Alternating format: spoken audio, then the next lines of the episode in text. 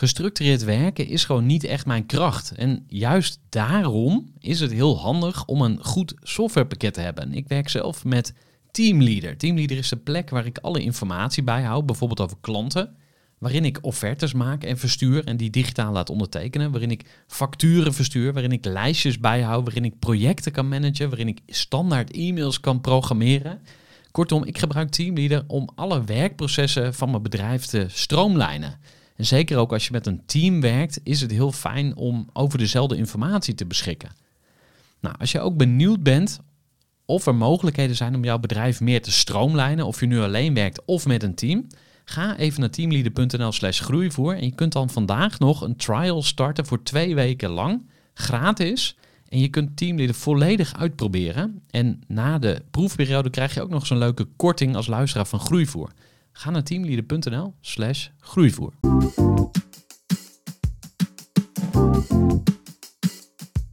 Voor de kennis en ideeën van een interessante gast. Die zijn verhaal met jou wil delen. Luister je naar Gooi voor. Welkom bij een nieuwe aflevering van de Groeivoer podcast. Vandaag ga ik in gesprek met Pieter Jongens, een van de medeoprichters van retailconcept Hutspot. Hutspot werd in 2012 opgezet in Amsterdam om kleine makers en merken te verbinden aan het grote publiek. In de jaren die volgden groeide Hutspot uit tot een winkelketen met acht locaties en een omzet van 10 miljoen euro. Hutspot staat klaar om over de grens te gaan, maar dan komt corona en gaat Hutspot na 9,5 jaar failliet. Maar het leven heeft nog meer beproevingen in petto voor Pieter. Dankzij een ongelukkige valpartij loopt Pieter twee hersenbloedingen op en komt hij in coma te liggen. Maar Pieter knokt zich toch weer terug en hij herstelt wonderbaarlijk. Dit jaar ging Pieter weer op zoek naar een nieuw avontuur en hij zette een post op LinkedIn. En hij kreeg maar liefst 2,5 miljoen views en 876 reacties van mensen die met hem wilden samenwerken. Hoogste tijd om in dit bijzondere ondernemersverhaal te duiken. Fijn dat je er bent, Pieter. Dank je. Van harte welkom. En zoals altijd in de Groei voor Podcast eh, beginnen we met je roots. En ik wil je vragen om ons voor te stellen aan de kleine Pieter. Ja, even denken. Ik ben eh, geboren in Den Haag en ik had drie oudere broers. Dus altijd de jongste van, eh, van vier jongens. Nou, ik was een heel vrolijk, zorgeloos mannetje, denk ik. Alles ging altijd wel redelijk gemakkelijk bij mij. Ja, had een hoop leuke vriendjes en een, en een heel erg eh, fijne jeugd eigenlijk. Ja, heel, eh er kon een hoop. En we hadden eh, vuurtjes maken, brommetjes klooien. Ja, gewoon een hoop kattenkwaad. Ja, dus dat was een hele, hele goede leuke tijd. Ja. Moet je altijd tegen je broers opvechten, opboksen? Nou, ze hadden een soort van de weg voor mij wel geplaveid, zeg maar. Alle stoute dingen hadden ze al een keer gedaan, waardoor bij mij een beetje de, de rem er al af was. Dus ik kon, ik kon een hoop doen zonder dat mijn ouders heel erg fronsten van, wat de fuck doet hij nou? Dus dat was een, eh, een, een prettig, eh, prettige start, denk ik. Ja. Iets over je ouders. Eh, je vader en je moeder, wa- wat deden ze en wat heb je van ze meegekregen? Nou, mijn vader is ondernemer, heeft altijd zijn eigen bedrijf gehad. Heel veel gekke dingen geprobeerd. Is pro- geprobeerd de kroketten en frikandellen naar Frankrijk en Schotland te brengen. Hij heeft windmolens verkocht in Engeland en Schotland. Nog voordat iemand echt op windmolens zat te wachten. Wilde je gewoon goedkoop, goedkope stromen en niet... eh zoals een beetje de groene golf vooruit. En eh, later heeft hij een logistiekbedrijf gestart... eh, en dat heeft hij heel veel jaren met veel plezier gedaan. Wat ik altijd wel inspirerend aan hem vond, was dat hij altijd een hele goede balans had tussen, tussen gezin en, en eh, tussen privé en werk. Dus hij kwam heel vaak gewoon thuis lunchen, zorgde dat zijn kantoor heel dicht bij huis was. Eh, iedereen bij hem op zijn werk, iedereen moest mee squashen, iedereen moest eh, eh, meedoen in dat soort toernooitjes. Dat was gewoon altijd heel, eh, ja, en weinig stress. Ik weet nog dat op een gegeven moment een keer eh, moment was dat hij zijn logistiek systeem lag eruit en het zou kunnen dat hij failliet zou gaan als dat niet gefixt zou worden. Maar wij hadden kaarten voor Ajax die avond. En zeiden ja, ik kan toch niks doen op kantoor, dus we gaan gewoon. En daar hebben we heel ontspannen een hele mooie Champions League wedstrijd eh, zitten kijken. En toen liep het uiteindelijk ook goed af, maar hij heeft dus ook altijd heel rustig daarin gestaan, wat ik wel eh, inspirerend vond. En mijn moeder was jurist. Die heeft toen wij alle vier jong waren, heeft zijn eigen bloembinderij aan huis gehad. En toen wij uit huis waren, is ze weer haar eh, echte de doelen achterna gegaan op eh, dat juridisch vlak. Ja. Dus dat zijn je ouders. En, en leven ze nog allebei? Ja. ja. Ja. En eh, hebben jullie wel eens eh, gesprekken gehad over ondernemerschap? Want jij bent later natuurlijk ook gaan ondernemen. Ik kan me voorstellen dat dat eh, wel wat Eh, gesprekstof opleverde. Ja. Ja, dus niet echt eh, als een soort mentor die continu overal mee meekeek. Maar hij heeft wel eh, een paar keer een duwtje in de juiste richting gegeven op bepaalde momenten. En soms ook even eh, met Hutspot bijvoorbeeld. Hadden we eerst een pop-up store en eh, eh, toen wilden we naar een vaste locatie. En toen heeft hij ook gekeken naar, meegezocht naar pandjes. En toen op een gegeven moment ook ergens in het kadaster opgezocht van wie is die eigenaar. En toen eh, konden we dat pand huren. Dus dat was wel dankzij doortastendheid van mijn vader. Dus dat was heel, heel fijn. En hij is altijd geïnteresseerd geweest in hoe we dingen aanpakten en zo. Zeker. Ja. Ja. We gaan nog even generatie eh, verder, want Ja. je hebt inmiddels ook kids. Ja. Heeft je dat eh, veranderd als mens, als ondernemer? Ja, zeker. Ik bedoel, in die eerste jaren hutspot ben je... Weet je, dan maakt het niet uit wat je verdient en of het... eh, dan, ik had altijd een beetje zo die bodem van als ik 1500 euro of 2000 euro binnenhaal per maand, dan kom ik wel uit. Eh, en dat is nu met kinderen natuurlijk anders. Die hebben ook een... eh, dat kost ook iets. Ja, kinderopvang, en, ik- ja, eten, precies. drinken, kleding, noem het allemaal. Ja, en je wil dat ze later ook eh, kunnen studeren en je wil wat apart zetten. En dus de verantwoordelijkheid is natuurlijk een stuk eh, eh, groter geworden. Als je alleen voor jezelf hoeft te zorgen, ja, dan kom je er altijd wel uit. Dus daarin durfde ik wel ook zakelijk, denk ik, eh, meer risico's eh, te nemen. Van joh, laten we dit gewoon doen. Als het misgaat, kunnen we altijd nog ergens achter de bar gaan staan en eh, komt het wel goed. Dus eh, ja, dat is wel eh, veranderd. Is er één advies eh, wat je aan je, aan je kids eh, meegeeft? Bijvoorbeeld, ga vooral niet ondernemen. Of ja, ze zijn nu nog heel jong natuurlijk, maar zie je het voor je dat ze zelf ook op een gegeven moment iets beginnen? Of zou je ze dan proberen te behoeden daarvoor? Want het kan ook heel erg misgaan. Daar gaan we straks natuurlijk ook wat over Ja. horen. Nee, ja, ik vind het nog steeds, eh ongeacht dat mis is gegaan, het leukste wat ik heb gedaan. Dus in die zin, en ook heel leerzaam. Eh, en je kan met een baan, kan je ook de volgende dag op straat staan, kan je ook ontslagen worden. Dus op zich, eh, risico's liggen overal. Eh, dus nee, ik zou ze, als ze dat willen doen, dan moeten ze zeker gaan ondernemen. Help ik ze graag. Ja, leuk. Nou, cliffhanger voor over eh 25, 30 jaar. Dan gaan we misschien even jouw kids hier op de Ja. podcast horen. Maar laten we maar eens naar het, het grote ondernemersavontuur gaan dat jij hebt meegemaakt. Ja. En dan wil ik heel even naar, de, naar in den beginnen gaan. Dus de begindagen, want je bent samen met Pieter, eh, of je bent samen met Nick en Renier Ja. bedrijf begonnen. Ja. Wil je ons eens kort eh, meenemen in de founding story? Ja.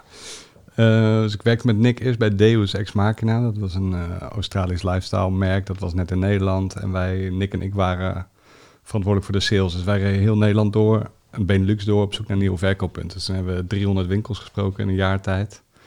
Eh, en daar hoorde elke keer van elke winkelier van... joh, we durven het niet aan met een nieuw merk. We willen doorverkoopcijfers weten. We hebben ons hele magazijn nog vol liggen. We durven het risico niet aan, terwijl we het een mooi merk vinden. Toen dachten wij de hele tijd in de auto terug van... joh, dat is ook scheef. Waarom, als je iets mooi vindt, moet dat toch aan de volgende dag in de winkel liggen. Dus toen eh, hebben wij onze baan daar opgezegd bij Deus. En toen zijn we samen een pop-up winkeltje gestart. En was Deus wel meteen onze eerste klant. Die ook in de winkel lag. Dus wij hadden geen geld om de huur bij elkaar te, te krijgen van die pop-up. Dus toen dachten we, weet je wat we doen? We knippen gewoon die winkel op in vierkante meters. En je betaalt een service fee per vierkante meter en een commissie wat erover wordt verkocht. En dat was gewoon met ons boerenverstand zo snel een avondje op een A4'tje gezet. En eh, dat zijn we gaan doen. En dat stond meteen in de krant en in de van wauw, toekomst van retail. En toen dachten we in één keer, hey, volgens mij hebben we hier iets. En toen zijn we heel snel doorgeschakeld. Toen hebben we een grote vaste locatie gehuurd. Toen pas hebben we ook Renier erbij gevraagd. Die was eigenlijk, eh, die had net een finance die aan de UvA afgerond. En wij dachten, ja, nu het serieus wordt, hebben we ook wel iemand nodig die dat allemaal niks gaat doen. Want Nick en ik hadden daar geen kaas van gegeten toen de tijd. Die zei eigenlijk direct, ja, vind ik ook leuk. Let's do it. En toen eh, werd het steeds serieuzer. En toen merkte ik ook, wauw, we verdienen al gewoon in maand één verdienen we al gewoon goed, eh, goed geld. En toen zijn we elke keer zo blijven, blijven doorgroeien. Want goed geld, je zegt van, eh, jullie kregen sowieso betaald of er nou iets verkocht werd of niet. Ja. En als er iets verkocht werd, dan, dan kreeg je nog meer of dan kreeg je extra eh, inkomsten. Ja, het moet ik zo zien dat die, door die service fee was de, de basis al gedekt, hè, alle vaste kosten.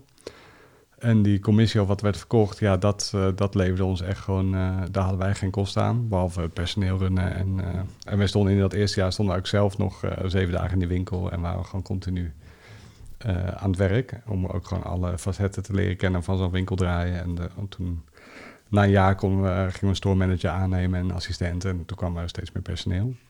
Eh, maar dus dat was al heel snel, eh, want we zetten ook meteen heel goed om. Het was eh, omdat we in veel bladen hadden gestaan. En eh, volgens mij wonnen we toen in dat tweede jaar ook de beste Startup Award van de ABN AMRO. En nog een, eh, de NIMA Startup Award. En nou, we allemaal, hadden echt meewinst. Zeg maar. het, zat, eh, het was precies op de goede eh, ja, momentum hadden we daar al.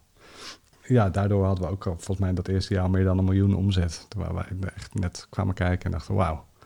Oké, dit, is, eh, dit is lekker. Dus dan meteen met dat geld weer een nieuwe winkel geopend. Dus zo deden we dat eigenlijk elk jaar minimaal één winkel openen. Ja, dus en met daarbij natuurlijk ook de groei van wat je dan allemaal nodig hebt. Dan moeten we in één keer een kantoor hebben. En een, nou, dat ging allemaal heel organisch. Maar wel eh, heel leuk. Ja. En jullie zijn met 5000 euro per persoon begonnen. Dus Ja. dat was jullie startkapitaal, Ja. 15.000 euro. In het eerste jaar ging je meteen over de miljoen eh, eh, omzet. Ja, Je kreeg heel veel media-aandacht. Ja. Waren er dan ook meteen ja, partijen die op jullie doken? Van, hé, hey, we willen onze inkopen, we willen meedoen, we gaan jullie helpen? Of kwam dat pas later?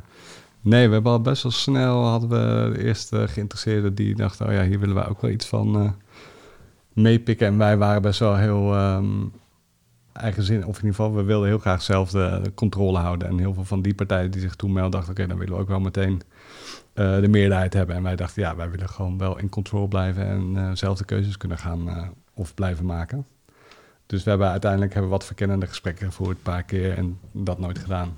En gewoon elke keer dachten ja, we hebben genoeg geld. We kunnen gewoon zelf weer een nieuwe winkel openen. En zo dat, eh, ja, zo rustig een beetje verder gebouwd. Eh, als ik aan pop-up stores denk, dan denk ik ook aan leegstandsbeheer. Hè? Dus Ja. eh, er staat ergens een winkelpandje leeg en we doen even een pop-up store erin. Ja. En eh, dan associeer ik dat ook met rommelig. Ja, Maar hoe zorgden jullie ervoor dat het echt een heel strak concept was? Dat ja, het niet zo'n allegaartje is waarvan je denkt, ja, ik weet eigenlijk niet precies wat ja. ze nou verkopen. En, en wa- wat, maakt het zo aantrekkelijk, zo hip? Zo, waarom sloeg het zo aan? Er ja. zijn meerdere vragen in één, maar... Ja, nou ik denk dat die pop-up store echt, dus die, eh, die we een aantal maanden hadden, dat was op de Utrechtstraat, dat was ook wel een beetje rommelig. Er stond een eh, oude kast en dingen dat, en we hadden nog een kassaboekje waar we gewoon de, de aankoop in opschreven. Dat was echt nog eh, totaal niet professioneel, maar we hebben gewoon elke keer een slag gemaakt in professionaliteit. En ik denk dat Nick, mijn partner toen, die, die is heel goed geweest in het, eh, in het inrichten voor weinig, maar wel met een eh, duidelijk oog van hoe moet iets eruit zien en hoe ziet dat er ja, hip, netjes uit en kan je er veel dingen in kwijt en zit er toch een lijn in de winkel. En wij kozen alleen maar merken die in de winkel lagen die we zelfs graag zouden willen hebben. Daardoor zat ook al wel een soort van, soort van synergie eh, tussen al die spulletjes. Het was niet een... ja, het is wel steeds mooier. geworden. Als ik nu foto's zie van het eerste jaar, zeg maar, dan was die winkel ook heel anders dan, eh, dan toen we eindigden. Toen was het echt gewoon een concept met een, hè, hadden ook een brandboek en een modulair eh, meubelsysteem wat in elke winkel hetzelfde was en wat gewoon heel goed werkte. Maar dat is, heeft wel moeten groeien. En, en hoe verklaar jij het succes?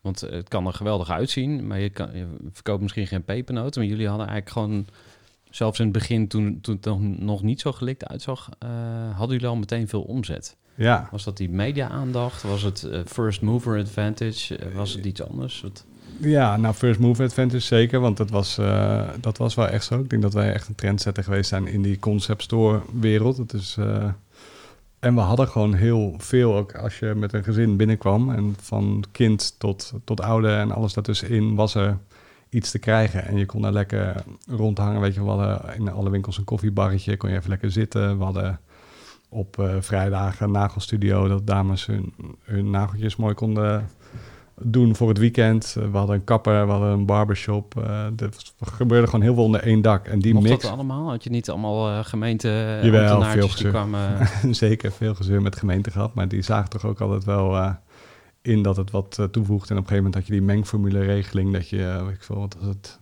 25% van je vloeroppervlak mag gebruiken voor horeca zonder dat je reclame mag maken aan de straatkant. Nou, dat soort uh, pietluttige regeltjes allemaal. Maar daar laveerden wel, wij wel een beetje tussendoor. Dat ging op zich oké. Maar dus ik denk voornamelijk die, die mix die heel rijk en divers was, waardoor het voor iedereen gewoon echt een one-stop shop was, waar je en een cadeautje kon kopen en je kon je hele outfit kopen en nog een keer een fiets. En men wist ook niet waarvoor ze naar het spot kwamen. Je kwam niet voor, oh, ik wil een, ik wil een Levi's, maar men liep dan toch weg met een fles olijfolie onder je arm Ja. en een boek. En Ja. dus die... En we hadden ook continu, doordat we zo flexibel waren in het merkaanbod, konden we heel vaak weer nieuwe dingen aanbieden. Weet je, als iets niet liep, dan zeiden we, gingen we in gesprek met het merk. En als het dan niet werkte, dan ging dat eruit. En dan de volgende dag lag weer iets nieuws. En zo hadden we altijd een wachtlijst met, weet ik veel, 40 of 50 merken die ook bij Hespot wilden liggen. Dus zo hadden we hele hoge doorlopen. Dus kon je, kwam men ook vaak terug, soms twee keer per week. En dan zag de winkel er toch weer anders uit. Ja. Dus dat maakt het wel veel aantrekkelijker dan een winkel die echt puur op seizoenen werkt. En dat iets, iets echt een aantal maanden gewoon hetzelfde in de winkel ligt. En dan weer allemaal in de uitverkoop en weer iets nieuws. Bij ons was continu in beweging. Zou dit concept nu ook nog werken, tien jaar later? Ja, dat denk ik wel. Ik zou niet... eh, Ja, volgens mij zou dit direct weer, eh, weer werken.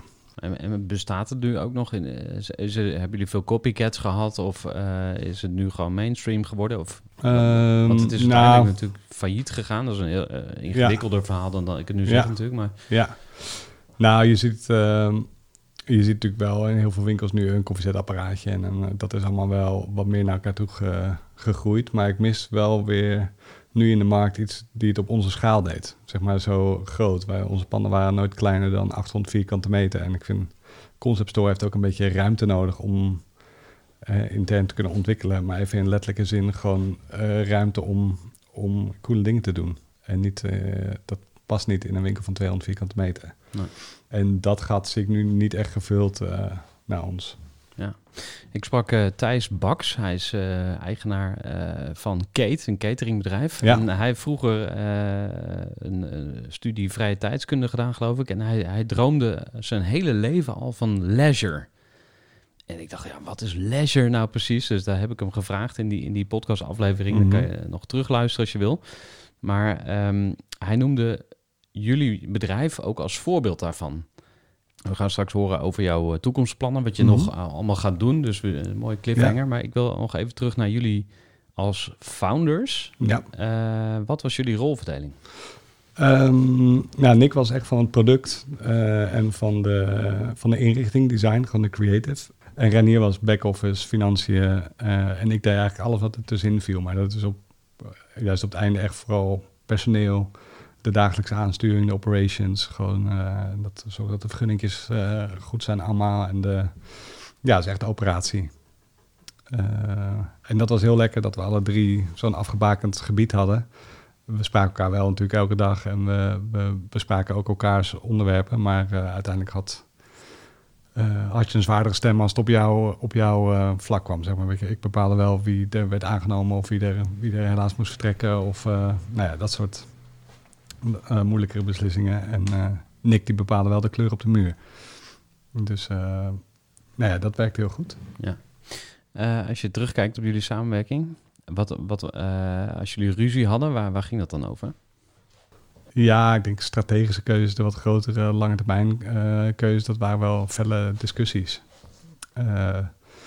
Maar ja, altijd heel prettig. Ook omdat je met z'n drieën bent en uiteindelijk er wel altijd eh, eh, uitkomt. Soms middels stemming, maar dan ben je ook met z'n drieën. Is ook prettig dat het nooit een padstelling wordt. En ik moet zeggen, ja, we, we hebben niet heel veel eh, discussies eh, gehad ook eigenlijk. Het was, was altijd wel een goede harmonie. Wat, wat prettig is. Daarom heb ik het ook lang volgehouden. Ik ben 9,5 jaar met z'n drietjes. Dat, dat is wel bijzonder. Ja. Even een korte onderbreking met een belangrijke vraag aan jou. Want wat heb jij geregeld voor het geval je van de ene op de andere dag zou komen uit te vallen? Wat gebeurt er dan met je bedrijf, maar vooral wat gebeurt er met jou persoonlijk en ook in financieel opzicht? Samen met ASR voerde ik drie openhartige gesprekken over tegenslag en veerkracht. En dat deed ik met Saskia, Vincent en Pieter. Ondernemers met een bloeiend bedrijf die van de ene op de andere dag niet meer konden werken. En die verhalen hoor je in aflevering 256, 257 en 258 van deze podcast. Als ondernemer wil je natuurlijk niet uitvallen. En daarom is het belangrijk dat je veerkrachtig bent, want voorkomen is beter dan genezen. En als het dan toch misgaat, is het fijn dat je iets geregeld hebt, zodat je weer snel door kunt met ondernemen. Wil je weten hoe veerkrachtig jij nu bent? Vul dan in twee minuten de veerkrachttest van ASR in. Ga naar asr.nl slash veerkrachttest ondernemers. Even naar uh, de groei van het bedrijf. Want jullie uh, hadden eerst alleen één winkel. Toen gingen jullie opschalen. Mm -hmm. En uh, uiteindelijk hadden jullie 100 mensen in dienst. Ja. Wat, wat is daar uh, gebeurd in de tussentijd? Het is natuurlijk een enorm verhaal, een, een 9,5 jaar groei. Ja. ja. Maar wat zijn voor jou de hoofditems of de belangrijkste punten? Nou ja, we hebben dus op een gegeven moment, jij zei in de intro acht winkels, waren negen winkels uiteindelijk. We hebben ook nog een bar en een restaurant gehad bij ons daarnaast op de Van Wouwstraat, wat erg leuk was. Daar hebben we uiteindelijk op een gegeven moment wel mee moeten stoppen, want dat was gewoon een... Ja, de focus verloor een beetje. Wij waren dan, bij stroomde zo rustig vanaf donderdagmiddag die bar in en dan... Uh, bar we, Hutspot was dat? Ja. ja, en dan gingen we bij spreken zondag weer weg en dan moesten we maandag moesten we weer uh, aan de slag. Dus dat hebben we drie jaar met heel veel plezier gedaan en toen konden we het gelukkig weer verkopen en was dat project afgerond. Maar goed, de groei uh, is wel heel gestaag gegaan, maar wel uh, gecontroleerd. Dus er kwam gewoon elke keer als een winkel bij kwam, kwamen er ook 15 mensen bij. En als je drie winkels hebt, dan kan je alles nog wel een beetje managen met een klein groepje op kantoor. Maar op een gegeven moment wilden we, zijn we een eigen collectie gaan ontwikkelen. We gaven ook uh, feesten. We deden, uh, uh, we deden organiseerden sleepovers met grote musea. Met AI bijvoorbeeld in Amsterdam en met uh, Boymans van Beuningen in Rotterdam. Dan kon je met je tentje daar slapen. En nou ja, allemaal hele leuke creatieve concepten waar mensen voor nodig waren natuurlijk om dat ook te organiseren. Dus in enkel hadden we event managers nodig en we hadden het creatieve team het grote. We moesten een fotograaf hebben, moesten designers hebben voor alle... Nou ja, zo groeide het gewoon gestaag alle kanten op ook, omdat we zoveel verschillende dingen deden. Wat juist ook het kracht van het, van het concept was. Uh, en werd dan, werd dan niemand zenuwachtig van, oh shit, we gaan nu wel heel erg veel overheadkosten maken? Of hè, hoe gaan we dat allemaal doen? Ja. Ik, ik, zou Ranier als eerste aanwijzen, want de financiële geweten of hè, de, ja. de man van de cijfers. Maar ja. heb je dat wel eens Nou, gehad? zeker. Daar hebben we natuurlijk wel een discussie over gehad. Van oké, okay, wat, uh, hoe kunnen we dit, uh, hoe gaan we betalen? Maar vaak kwam dat toch uh, uit. Want een nieuwe winkel bij ons draaide ook al heel snel weer op het niveau van de andere winkels.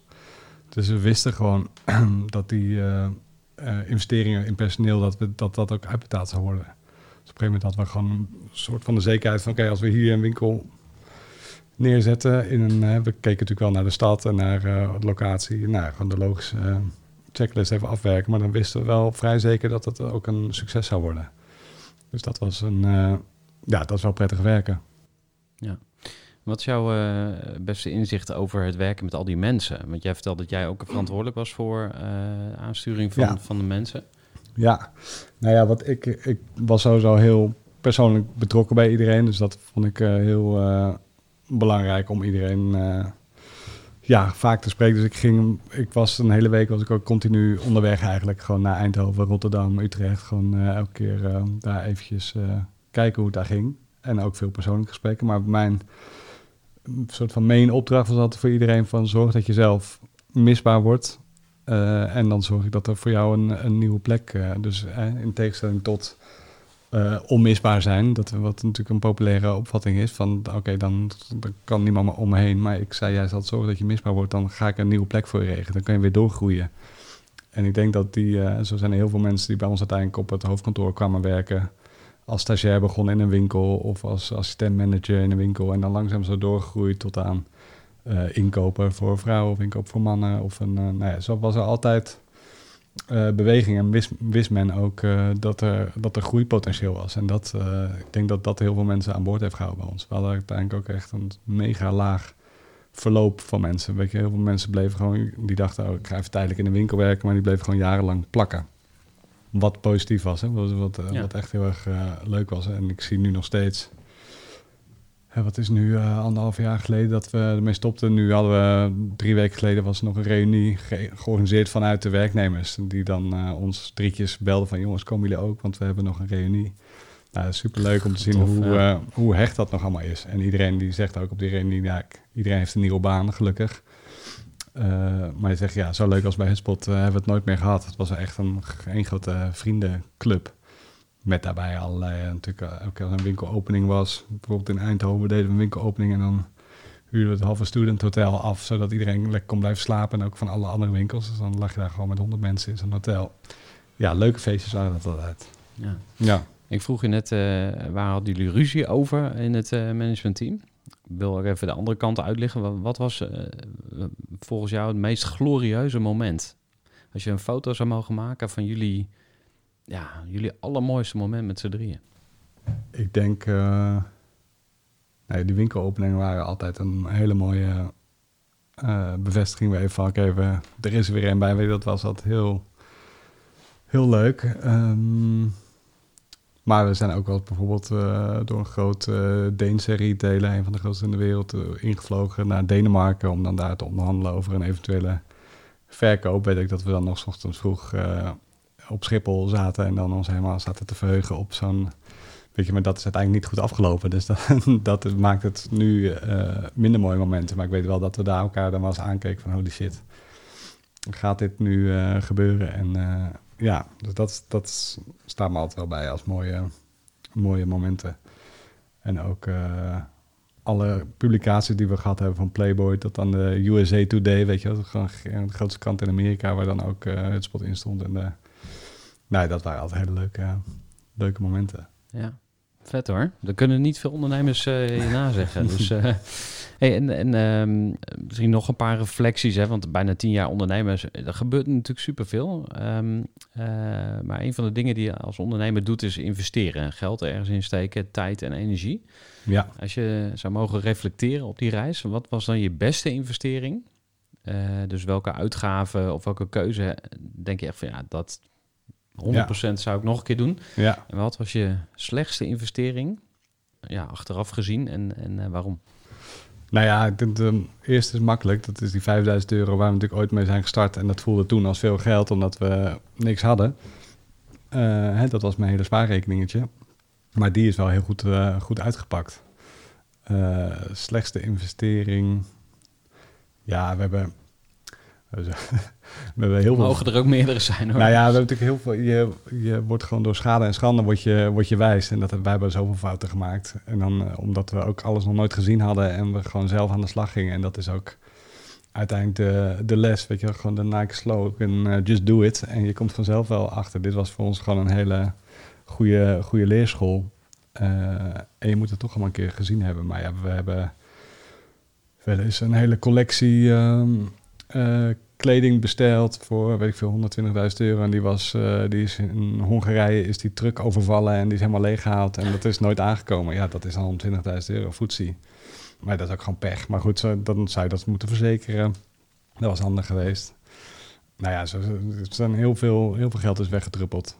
Ook in die, eh, die bar hadden we bijvoorbeeld, eh, als we een tickettap hadden genomen, waarbij je gewoon ziet hoeveel biertjes eruit gaat, dan, dan waren we er ook niet pas na een jaar achter gekomen dat er iets van eh, 2000 liter bier miste of zo, weet je wel. Het was gewoon daar, eh, stonden alleen maar vrienden en er werden biertjes weggegeven alsof het gratis was. Terwijl een biertje uit een tap is duurder dan uit een flesje in de supermarkt. Dus dat was, eh, nou ja, dat zijn allemaal van die dingen waar je achteraf denkt, oh ja, dat had we even iets scherper kunnen zijn. Of dat zouden we de volgende keer heel anders doen.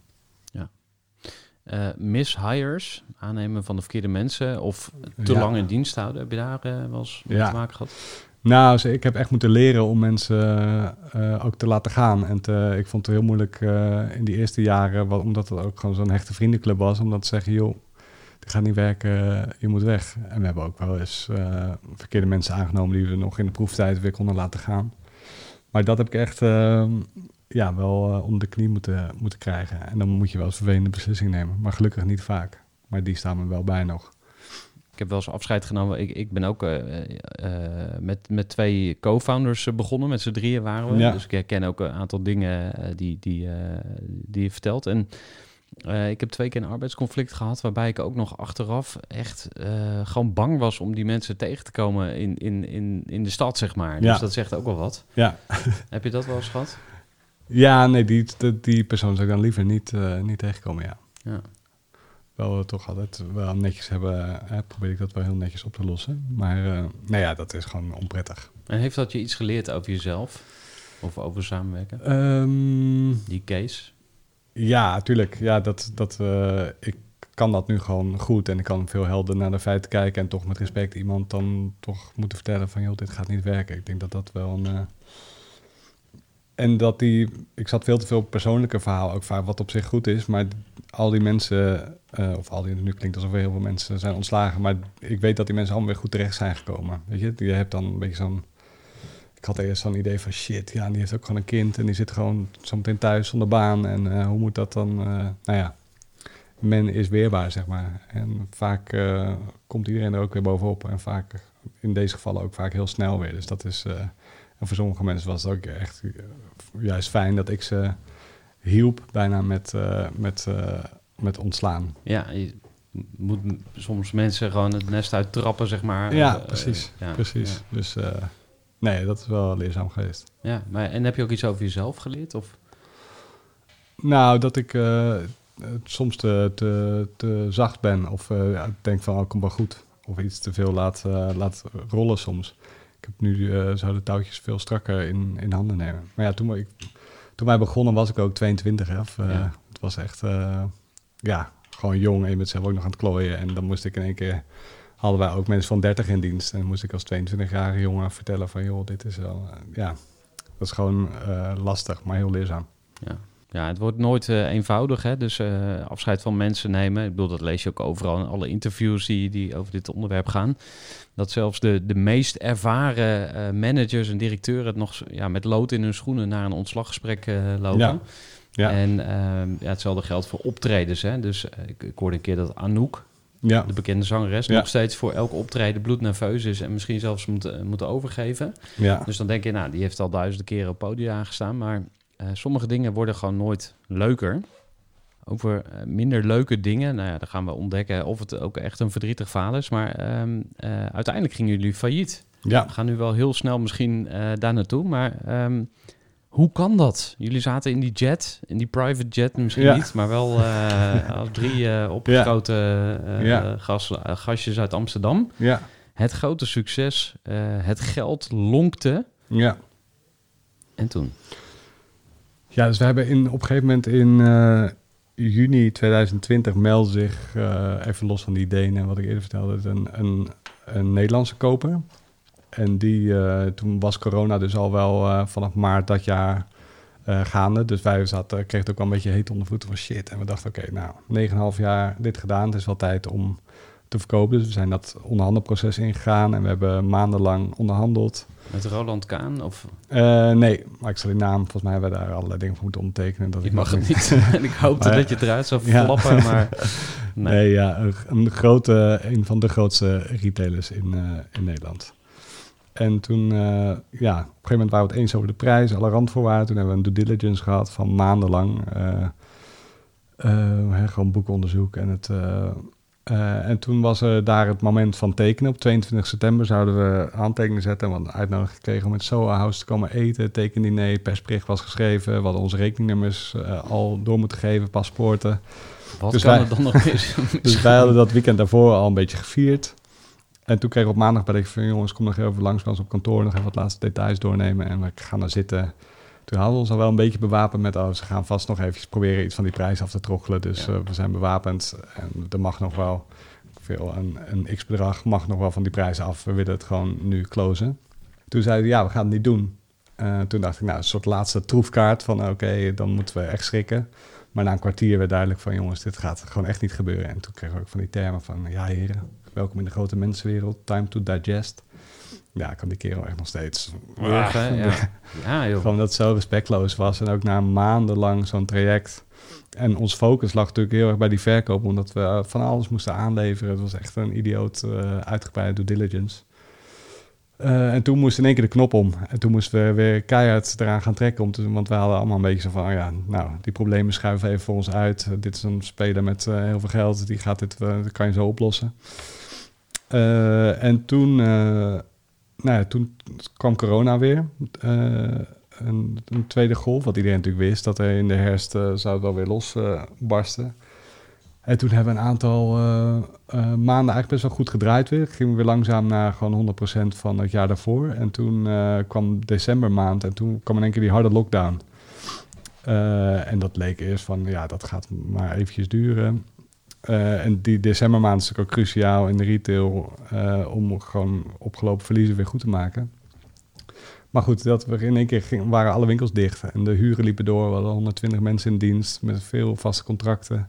En we hadden net drie winkels geopend binnen dat jaar. Dus dat, die kwamen allemaal niet in aanmerking voor al die ruimhartige regelingen van de overheid met uh, NOW en alle andere vaste lasten, subsidies, et cetera. Dus het ging er met bakken uit en er kwam nul meer binnen. En we hebben nooit uh, echt ingezet op uh, online. We hadden wel een klein webshopje en we probeerden wat met uh, winkelbestellingen die we rondfietsten met onze werknemers. Maar dat was allemaal een druppel op een hete plaat. Toen zagen we in één keer heel snel, ook omdat we die eigen winkels zelf hadden voorgefinancierd, hadden we heel weinig buffer. Dus dat ging zo rap dat, dat we denken, holy shit, ja, de nullijn komt in zicht. En dan gaan we zo meteen, kunnen we personeel niet meer betalen. En toen zijn we met juristen in gesprek gegaan. Die zeiden, ja, je moet ook wel zelf op tijd de stekker eruit trekken. Want anders dan ben je zo meteen ook nog uh, kwalijk bestuur aan het doen. En misschien persoonlijk aansprakelijk voor. en daar kregen we het heel heet van. Toen dachten we ook, ja, Oké, nou, dit is het dan misschien. Toen hebben we daar natuurlijk, dat is niet over één nacht ijs gegaan, we hebben daar wel een aantal dagen en weken nog opties onderzocht en gekeken hoe kunnen we dit oplossen. Maar dat, dat ging niet. En toen hebben we net over de kerst heen getrokken, zodat iedereen nog wel even een leuke kerst had, soort van. Van ons personeel dan. En toen hebben we iedereen bij elkaar geroepen tussen kerst en oud en van, uh, oké, dit is het. Nou ja, heel pijnlijk zo van hemel naar hel in, in drie, vier maanden tijd. Dus eerst, uh, ik had al helemaal met mijn vriendin een ding in het buitenland op het oog om lekker een soort B&B'tje in, in Frankrijk te gaan doen. En dan, ja, want jullie zouden echt gaan cashen dus, ja. blijkbaar. Ja. Tenminste, dat, dat was wel de verwachting. Nou, daar hadden we een beetje zo'n negen jaar naartoe gewerkt. Gewoon altijd van, oké, okay, op een gegeven moment gaan we dit een keer verkopen. En we hadden het al een keer eerder willen doen. Maar toen dachten we, toen nog even snel drie winkels bij om er gewoon die 10 miljoen grens te te passeren. Ja. Maar ja, gegokt en verloren. En gewoon door pech, ja, gewoon echt puur corona. Dat is wel, wel wrang. Ja. Maar, ja. Raakt het je nu nog? Um, nou, ik ben wel... het is, ik heb het nu ook gewoon... Weet je, ik wilde al wel een tijdje iets, iets anders. Ik heb een beetje zo'n gevoel van, uh, nou ja, elke zeven jaar iets compleet anders doen lijkt me heel leuk. misschien niet, niet de slimste uh, keuze, maar het leven is kort. En dat heb ik later ook nog van heel dichtbij gemerkt dat dat ook echt zo kan zijn. En dan wil ik niet alleen maar vastzitten in één, in één tak van sport. Weet je, retail, heel leuk. maar ik was daar wel ook langzaam klaar mee. Met dat ritme van elke keer weer toch een beetje hetzelfde met een ander sausje. En dan, en dan weer hetzelfde doen. Ja, nee, ik vond dat wel, um, wel mooi geweest. Dus, dat, uh, dus toen dacht ik van ja, oké, het is niet over. Ik heb geen geld, maar ik heb wel alle vrijheid en ik kan weer gewoon iets uh, gaan doen. We zijn ook niet met schulden van, uh, vanuit, of vanaf gekomen of nou ja, allemaal zonder kleerscheuren door dat hele traject heen gegaan. En toen dacht ik, nou, dan ga ik gewoon iets nieuws verzinnen. Ja. Ja, en toen, toen, toen viel ik. Dus dat was ja. gewoon even een kink in de kabel. Ja, la, laten we daar maar naartoe gaan dan, want dat, dat, dat hoort er eigenlijk bij, hè, bij ja. die periode. Ja, zeker. Dus ik was net weer een beetje, ja, zo'n, op een gegeven moment als je failliet gaat, komt er natuurlijk een curator en die, gaat, die wordt aangewezen en die gaat alle, allerlei dingen van je eisen en willen. Dus je wordt eigenlijk gewoon nog een aantal maanden aan het werk gezet, voorop. Maar je moet dat wel gewoon allemaal netjes, netjes afronden. Dus toen hebben we drie maanden lang overgeleverd aan de gillen van een curator. En toen zijn we... Zo irritant. ja. die, die, is dan eigenlijk feitelijk de baas, toch? Ja. Je hebt geen reden meer te zeggen. Want... Ja, nee, je moet daar wel echt leveren wat, uh, wat er gevraagd wordt. En dat is heel veel. En toen dat eindelijk een soort van klaar was... Toen ben ik met mijn gezin nog eventjes twee weken naar Curaçao gegaan. Eh, ook omdat die eh, heel weinig aandacht van mij hadden gekregen. En ik ook wel echt toe was aan even ademhalen en, eh, en gewoon eventjes family time. En toen kwam ik terug en toen ben ik op mijn hoofd gevallen. Ja, eigenlijk op Centraal Station in Amsterdam stap ik uit de metro en ik loop over het perron. En ik struikel, gewoon zoals je wel eens op de stoep struikelt en weer doorloopt. Maar ik stap van het perron af en probeer met een grote stap weer op het perron te stappen naar de valk achterwaarts. Gewoon precies met mijn hoofd op de rails. En dat was, ja, zo'n perron is 1,30 meter. Ik ben 1,90 dus val je gewoon ruim 3 meter. Precies op dat kwetsbare stuk van je achterhoofd. En daar eh, was ik meteen eh, weg, oud. En toen ben ik eh, door mijn broer en een aantal omstanders op het perron geteeld. En die zagen ook al meteen dat het slecht was. Toen is het ambulance team gekomen. Toen ben ik gelukkig naar het AMC gebracht. OVG, dat was, als ik daarheen was gebracht, was ik niet meer geweest. Want ze moesten direct een ingreep doen die alleen in het AMC kan. Dus schedel eraf en, eh, en, eh, om de hersenen ruimte te geven voor de zwelling en om die bloedingen te stoppen. Dus ik had inderdaad twee bloedingen voor en achter. En eh, nou, toen daarna in een coma beland en echt eh 2,5 weken in coma gelegen. Waarbij het ehm, ja, bericht ook van de arts was, joh, hij heeft een half procent kans om wakker te worden. Of als hij wakker wordt, dat hij dan enige kwaliteit van leven nog heeft. En dat, ehm, nou ja, maar ik werd wakker na 2,5 uh, week. En toen kon ik inderdaad niet praten en ik heb mijn linkszijde helemaal verlamd. Maar ik had wel in die coma, heb ik dus ook ehm, eh, bijna alles gehoord, alles meegekregen. Ik ben twee dagen na mijn ongeluk ben ik wakker geworden in een lijf wat niet deed.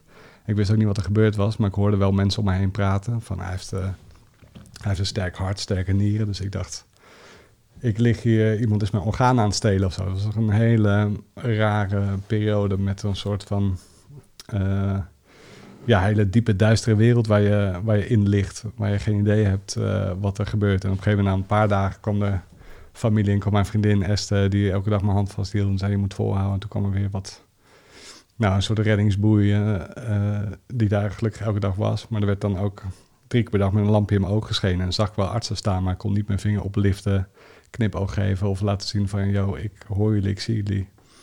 Dus dan worden ook allerlei hele vervelende dingen om je bed heen besproken van... ehm, nou ja, hij heeft nu zo'n hoge hersendruk dat hij wel zijn motoriek zou kwijt zijn, spraakvermogen. Ver- verwacht dan niet meer dat hij kan lopen. En dat hoor je dan allemaal. En terwijl je daar, God, God, man, man, man. terwijl je daar ligt. Maar gelukkig, ja, na die 2,5 week eh, werd ik wakker. En toen een heel lang traject gehad is met een extreme verwarring. De hele dag- en nachtritme na zo'n coma is helemaal weg. En ik ben een soort delier geraakt dat je gewoon allerlei hallucinaties en dingen hebt. Met antipsychotica kan je dat dan weer een beetje levelen. Nou ja, zo word je helemaal volgegooid met allerlei medicijnen. Dus toen nog een maand in het ziekenhuis gelegen. En toen daarna ben ik naar Reade gegaan, de revalidatiecentrum. En daar bij de intake zeiden ze, ja, we verwachten dat je hier twaalf maanden moet blijven. Eh, maar na zes weken eh, was ik good to go. Ik kon weer lopen, wel langzaamaan, eerst met een rollator en eerst eh, gewoon op een... je bent ook al je spieren eh, kwijt. Als je zo in coma ligt, dan gaat je lijf gaat die spieren aanvreten. Dus ik was 25 kilo lichter, vooral benen, gewoon eh, stokken en, eh, en gewoon heel dun geworden. Dus dat moest dan weer opgebouwd worden met de hele dag shakejes drinken en weet ik wel, allemaal die eiwit dingen. En zo weer opgekrabbeld eigenlijk. En dat, maar toen had ik nog geen vervangende schedel. Dus dat stuk schedel wat weg was gehaald, dat was helemaal eh, in barsten. Dus dat kon ook niet teruggeplaatst. En dan krijg je een eh, 3D-geprinte schedel terug. En dat, dat duurde een hele tijd. Dus ik eh, heb ik uiteindelijk eind september gekregen. En toen na die operatie eh, weer een hersenbloeding gekregen. Dus toen moest het, eh, die schedel er weer af. Moest het nog een keer gedaan worden. En dat was eigenlijk een beetje de laatste hiccup. Toen daarna ben ik eh, ja, weer met revalidatie begonnen. En vanaf toen kon ik gewoon weer...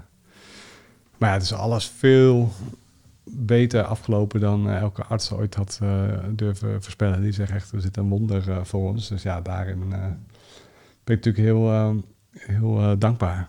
En nou ja, het schijnt wel weer nieuw licht op allerlei dingen waar je, waar je voorheen niet bij stilstaat of wat je, wat je beseft of zo. Weet je? Dus een, nou ja, ergens allergrootste kutperiode in mijn leven, maar ook, eh, ja, het zijn toch de mooie dingen die eh beklijven, zeg maar.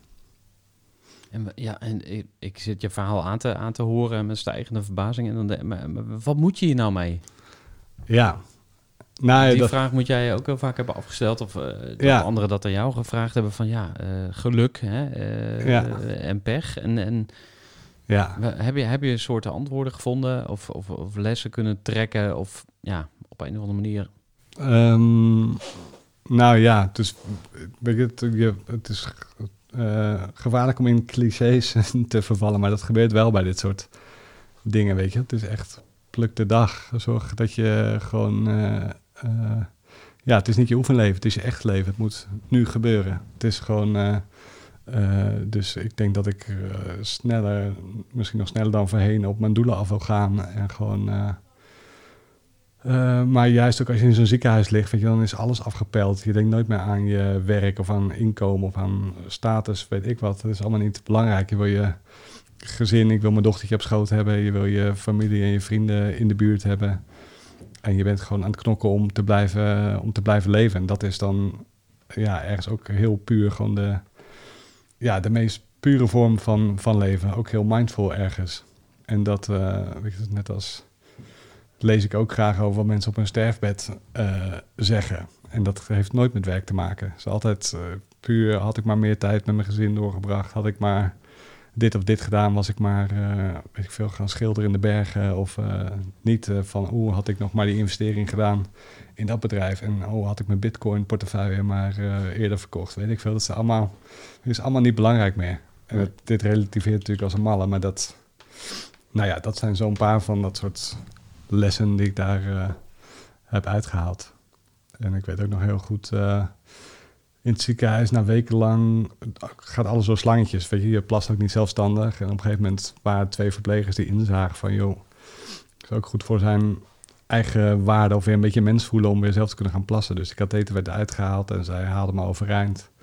En ik liep voor het eerst ondersteund eh, naar het eh, toilet op, de, op, eh, op mijn kamer daar. En dan zag ik eerst mijn spiegelbeeld, wat ik al acht weken niet had gezien. Maar ingevallen wangen en een blauw helmpje en gewoon een hele wazige blik. En dan stond ik te plassen. En tranen stroomden over mijn wangen gewoon van... ik sta hier weer en ik kan weer plassen. En ook natuurlijk alles wat er gebeurd was. En die hele...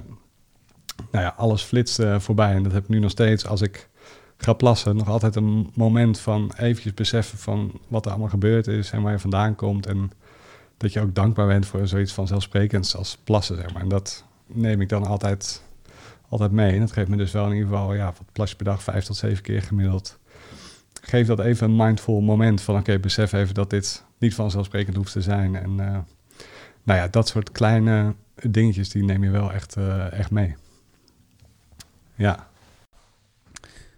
Ja, ik, ik vind het, ja, dit verhaal is zo puur. Ik wil het ook niet verneuken met allerlei eh, ver, ver- verpesten eh, met, met, met allerlei analysevragen. Dus eh, heel bijzonder dat je het hebt willen delen. ja. Ehm, eh, misschien ook wel een, een vraag die toch bij me opkomt van... is ondernemen wel de moeite waard? Ja, zou ik wel zeggen.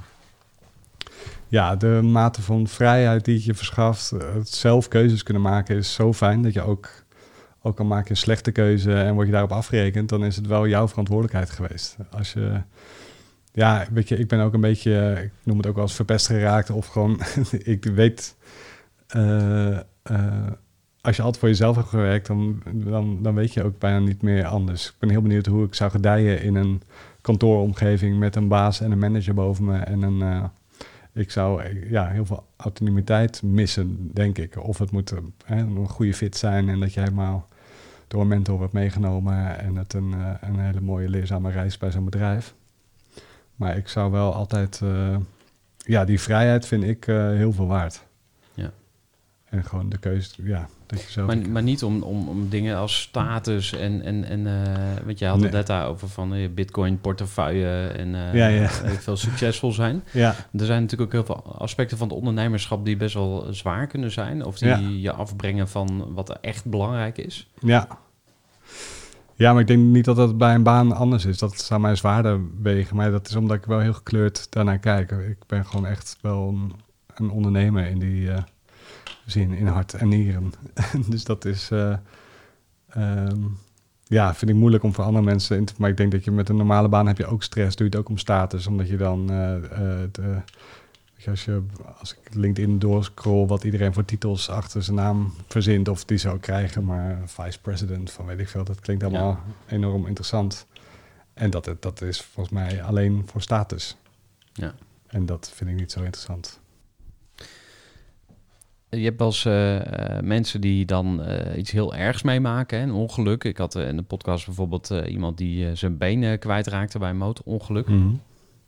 En vervolgens heeft hij zijn, de rest van zijn leven gewijd aan het vertellen van dat verhaal. Dus hij zit nu in een rolstoel en hij treedt op en ja, hij is een professioneel spreker geworden. Ja.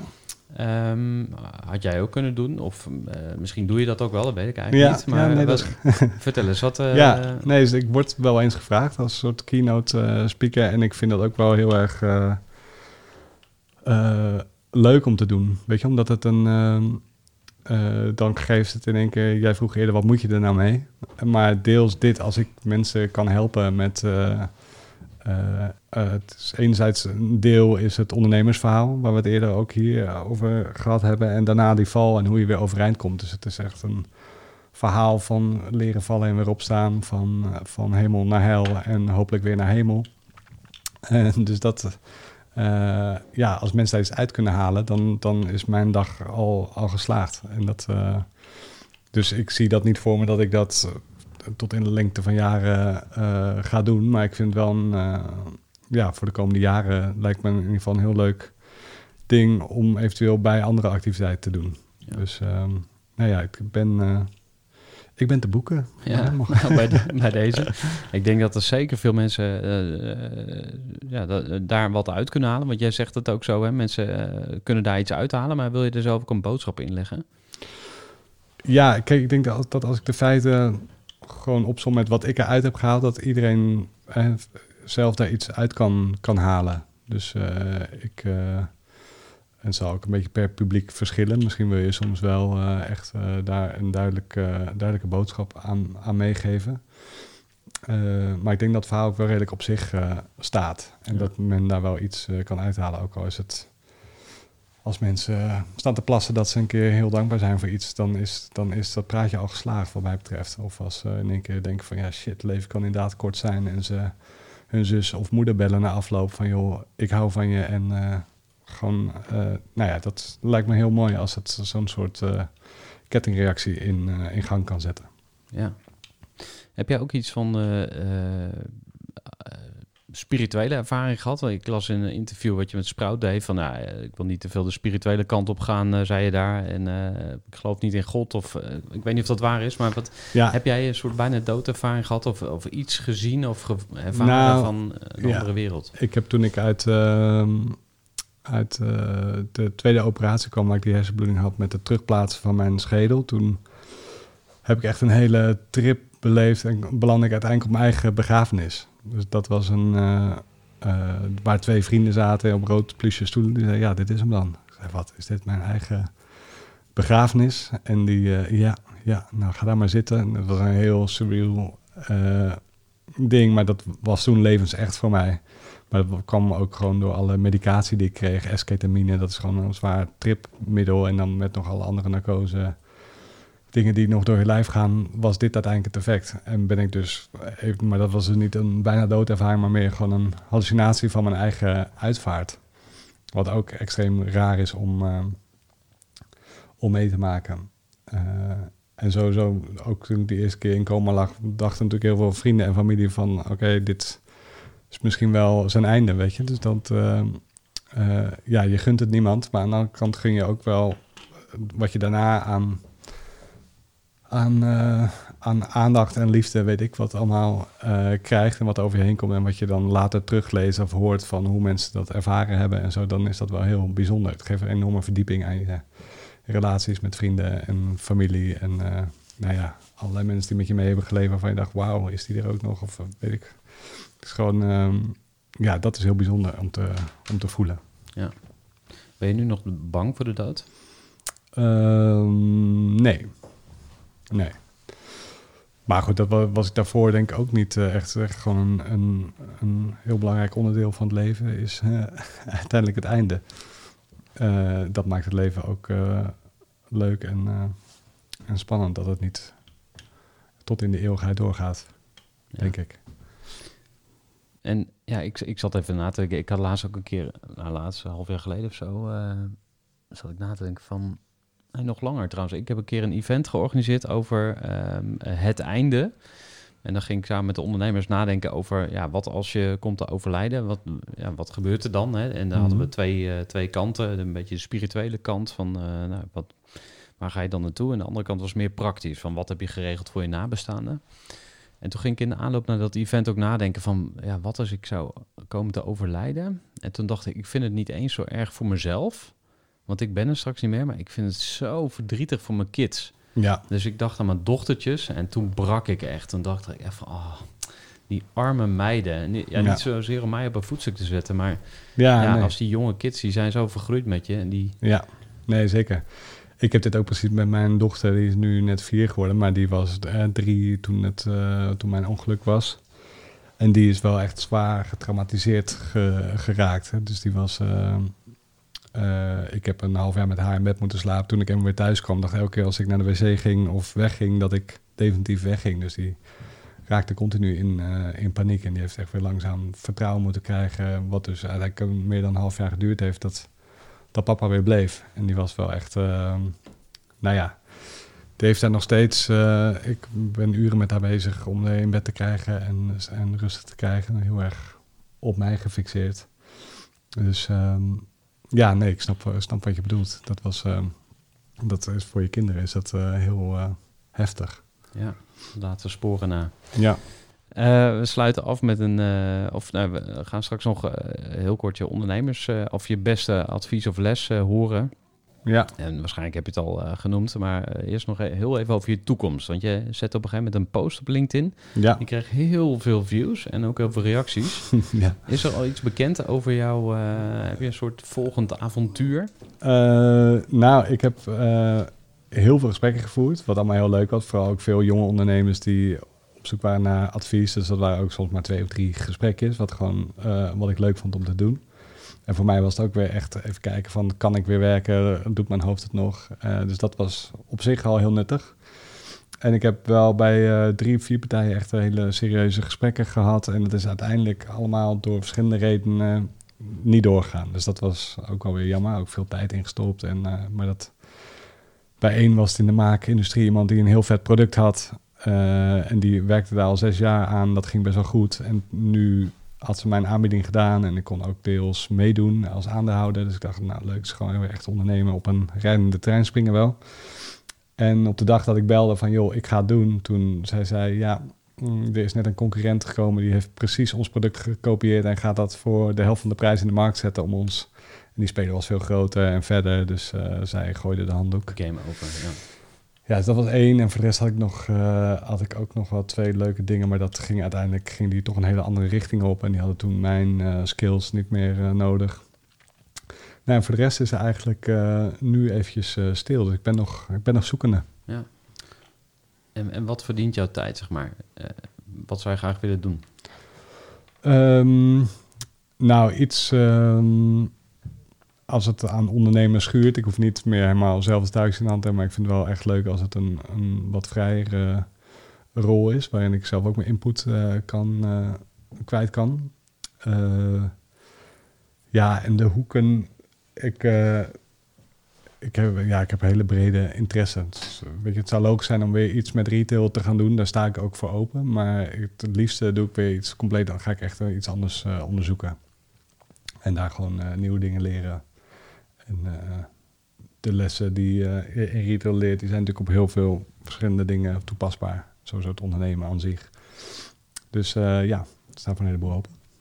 Gaat vanzelf eh, op je pad komen. Ja, Ehm, ik heb een fles champagne eh, neergezet. Die mag ik jou eh, aanbieden namens Didon. Dat is een eh champagne-importbedrijf. En eh, voor de mensen die eh, champagne kunnen gebruiken, ga even naar vierjesucces.nl. Dan word je doorgelinkt naar de website van Didon. Want eh, ja, er wordt eigenlijk eh, veel te weinig champagne gedronken. Hè. We hebben een succes en dan gaan we meteen weer door en we Ja. vieren het niet. Ehm, ik wil je die, die fles aanbieden. Heerlijk, Komt er dank. iets eh, bij je op dat je zegt van... hé, hey, hij gaat los als puntje, puntje, puntje. Nou, dat kan op een willekeurige dag. Maar mijn vriendin vindt champagne heel lekker. Dus dan ga ik haar daarmee verrassen, denk ik. Dat lijkt mij een goed doel. Mooi. Dan sluiten we af met ehm, ja, één of twee levenslessen of ondernemerslessen. Je mag zelf kiezen. Stel dat je één boodschap op zou mogen nemen die nou, over 100 jaar nog steeds eh, afgeluisterd wordt door eh, ondernemers die dan bezig zijn. Wat is één, één, één les of misschien twee lessen die, waarvan je echt zegt van ja, dat moet iedereen weten? Ehm, nou, ik was als ondernemer, zeker in de eerste jaren, bang dat iedereen zou ontdekken dat ondernemen eigenlijk heel makkelijk is. Dat iedereen zou gaan ondernemen. maar dat dus, ehm, je moet het gewoon gaan doen. En dat is even heel simpel, just do it. Eh, je komt van, mensen hebben zoveel dingen die zich, eh, altijd wel argumenten om die hun tegenhouden. Maar uiteindelijk, ja, spring erin en je komt zo weer bovendrijven. Het is, eh, zo eng is het niet. Dat is wat betreft ondernemen en wat betreft leven. Ja. Eh, het ligt wel een beetje in dezelfde lijn, maar eh, verspil niet te veel tijd met bullshit. Ga gewoon dingen doen die je leuk vindt, die je aan het hart ligt en wees lief voor je, voor je naasten. Eh, Ja. That's Mooi. it. Pieter, dankjewel. Geen dank. Heel leuk om hier te zijn. Dankjewel. Amen. Gooi voor. Gestructureerd werken is gewoon niet echt mijn kracht. En juist daarom is het heel handig om een goed softwarepakket te hebben. Ik werk zelf met Teamleader. Teamleader is de plek waar ik alle informatie bijhoud, bijvoorbeeld over klanten. Waarin ik offertes maak en verstuur en die digitaal laat ondertekenen. Waarin ik facturen verstuur, waarin ik lijstjes bijhoud, waarin ik projecten kan managen, waarin ik standaard e-mails kan programmeren.